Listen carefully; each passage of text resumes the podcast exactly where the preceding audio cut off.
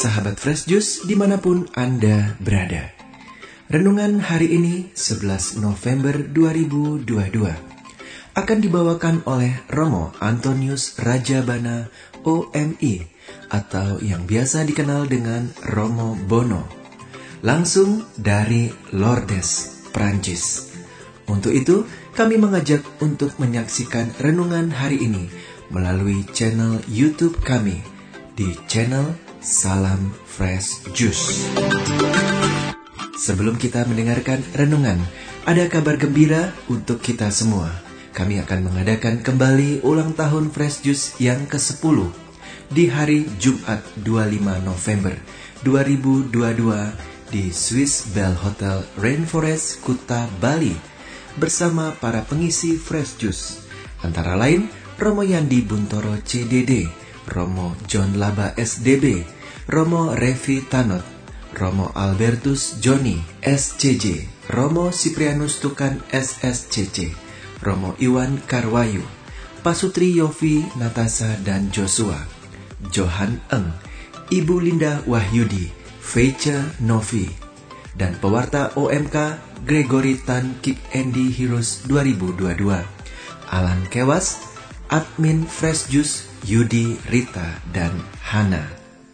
Adapun biaya Fresh Juice Live ini 100 ribu sudah termasuk kaos gratis untuk 300 pendaftar pertama yang bisa datang ke Bali. Terima kasih atas sumbangan dari Human Greatness untuk kaos ini.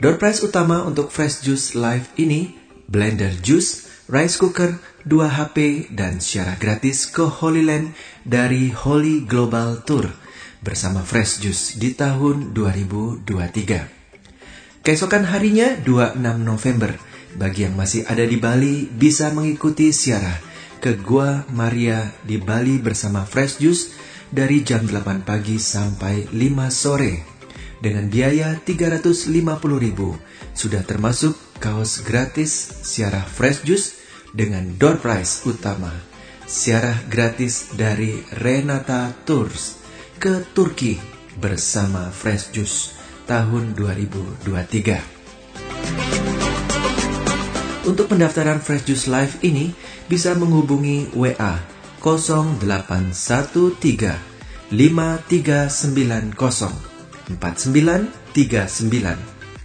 dan bagi sahabat Fresh Juice yang tergerak untuk memberikan persembahan kasih untuk membantu pelaksanaan acara Fresh Juice Live ini, bisa memberikan persembahan kasih melalui rekening BCA nomor rekening 6110338315 atas nama Yofi Setiawan. Akhirnya, mari kita mengikuti Fresh Juice hari ini.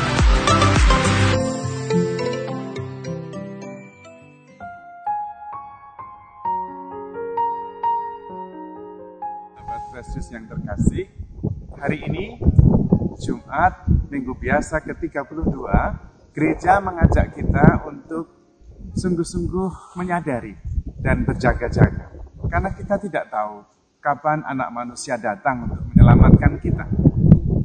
Dan kita akan mendengarkan bagaimana gereja mengingatkan kita melalui bacaan Injil hari ini. Injil hari ini diambil dari Injil Lukas bab 17 ayat 26 sampai dengan 37. Mari kita mendengarkan bacaan Injil hari ini. Yesus bersabda kepada murid-muridnya, sebagaimana hanya pada zaman Nuh, demikian pula kelak pada hari anak manusia. Pada zaman Nuh itu, orang-orang makan dan minum, kawin dan dikawinkan, pada hari Nuh masuk ke dalam bahtera. Lalu datanglah air bah dan merasakan Demikian pula yang terjadi pada zaman Lot. Mereka makan dan minum, membeli dan menjual, menanam dan membangun, sampai pada hari Lot pergi dari Sodom. Lalu turunlah hujan api dan belerang dari langit dan membinasakan mereka semua. Demikianlah halnya kelak pada hari anak manusia menyatakan pada hari itu barang siapa sedang ada di peranginan di atas rumah janganlah ia turun untuk mengambil barang-barangnya di dalam rumah. Demikian pula yang sedang di ladang janganlah ia pulang. Ingatlah akan istri Lot. Barang siapa berusaha memelihara nyawanya ia akan kehilangan nyawanya dan barang siapa kehilangan nyawanya, ia akan menyelamatkannya. Aku berkata kepadamu, pada malam itu, kalau ada dua orang di atas ranjang, yang satu akan dibawa dan yang lain ditinggalkan. Kalau ada dua orang wanita yang sedang bersama-sama menghilang, yang seorang akan dibawa dan yang lain akan ditinggalkan. Para murid Yesus menjawab, di mana ada mayat, di situ berkerumun burung asap. Demikianlah Injil Tuhan. Terpujilah Kristus. Para sahabat Kristus yang terkasih, bacaan Injil hari ini berbicara tentang hari kedatangan Tuhan. Dan hari kedatangan Tuhan itu tidak ada yang tahu kapan. Tetapi intinya hari kedatangan Tuhan perlu disiapkan. Kita perlu menyiapkan hati kita, diri kita untuk menyambut anak Allah, hari Tuhan yang datang. Karena Tuhan datang untuk menyelamatkan. Ada yang diambil, ada yang ditinggalkan. Namun, yang paling penting dari pihak kita adalah bahwa kita sebetulnya perlu menyiapkan hati dengan iman Apakah kita percaya? Itu yang pertama, bahwa Tuhan datang untuk menyelamatkan atau tidak. Yang kedua, apakah kita mengasihi Tuhan? Kita mempunyai relasi pribadi dengan Tuhan atau tidak? Yang lain tidak relevan. Karena ada yang kawin dan dikawinkan tidak relevan, diambil.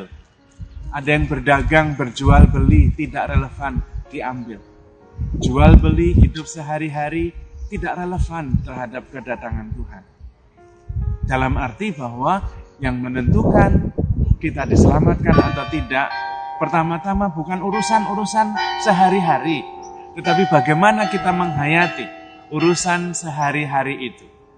Apakah kita menghayatinya dengan penuh iman? Apakah kita menghayatinya dengan penuh cinta kasih dan pengharapan? Persoalannya adalah sering kali kita lupa bahwa relasi kita dengan Tuhan, iman kita dengan Tuhan menentukan apakah kita akan diselamatkan atau tidak. Sehingga yang sering terjadi adalah kita sibuk dengan urusan-urusan duniawi yang sering kali tidak relevan untuk keselamatan kita. Karena itu kita diingatkan, harus berjaga-jaga. Membuka hati, menyiapkan hati untuk menyambut kedatangan Tuhan itu. Dan sering kali kita tidak siap. Kenapa? Karena sibuk. Terlalu sibuk dengan urusan-urusan duniawi. Yang tidak ada urusannya, tidak ada kaitannya dengan kedatangan Tuhan. Apakah berarti kehidupan di dunia ini tidak berarti sama sekali? Karena tidak relevan. Bukan. Yang dimaksud adalah kita sering kali sibuk lalu tidak menyiapkan diri. Lalu bagaimana? Hubungannya apa? Kehidupan kita yang nyata dengan kehadiran Tuhan kita menghubungkan, menghayati kehidupan kita sehari-hari dalam iman, dalam cinta kasih. Saya menghayati hidup ini karena kepercayaan saya kepada Tuhan. Saya menghayati relasi-relasi saya dengan pasangan karena iman saya dengan Tuhan. Saya menghayati kehidupan saya entah jual beli, entah berdagang, entah berusaha dengan iman dan cinta. Sehingga ada kaitannya, bukan terlepas begitu saja. Memang tidak menentukan apa yang kita lakukan, tetapi penghayatan iman dan cinta yang kita taruh di dalamnya, yang kita investasikan di dalamnya, itulah yang menyelamatkan. Maka saudara-saudari terkasih, pertanyaannya, apakah kita menaruh cinta kasih dalam segala hal yang kita lakukan atau tidak? Kalau kita dalam berelasi, kita menaruh cinta kasih Tuhan, maka kemudian relasi kita menjadi relevan dengan Tuhan. Kalau kita bekerja dalam kerja kita menaruh cinta kasih dan pengharapan serta iman kepada Tuhan, maka kerja kita kemudian juga relevan dengan kehadiran Tuhan yang menyelamatkan. Kita begitu kreatif diberikan banyak bekal, tetapi terutama kekuatan iman dan cinta untuk bisa menghayati hidup setiap hari, sehingga pada akhirnya ketika Tuhan datang, kita sudah siap. Karena setiap hari kita menghayati hidup kita yang sehari-hari tidak terpisah, tidak lepas dari iman kita kepada Tuhan. Tidak lepas dari cinta kita kepada Tuhan, kepada sesama, kepada alam semesta. Karena itu, kapan Tuhan datang kita tidak tahu. Yang kita tahu adalah bahwa kita sudah menyiapkannya. Kita menghayati hidup kita setiap hari penuh dengan cinta kasih. Gereja mewariskan sebuah prinsip yang sangat indah. In principi veritas. Dalam hal-hal prinsip kebenaran. Indubium unitas.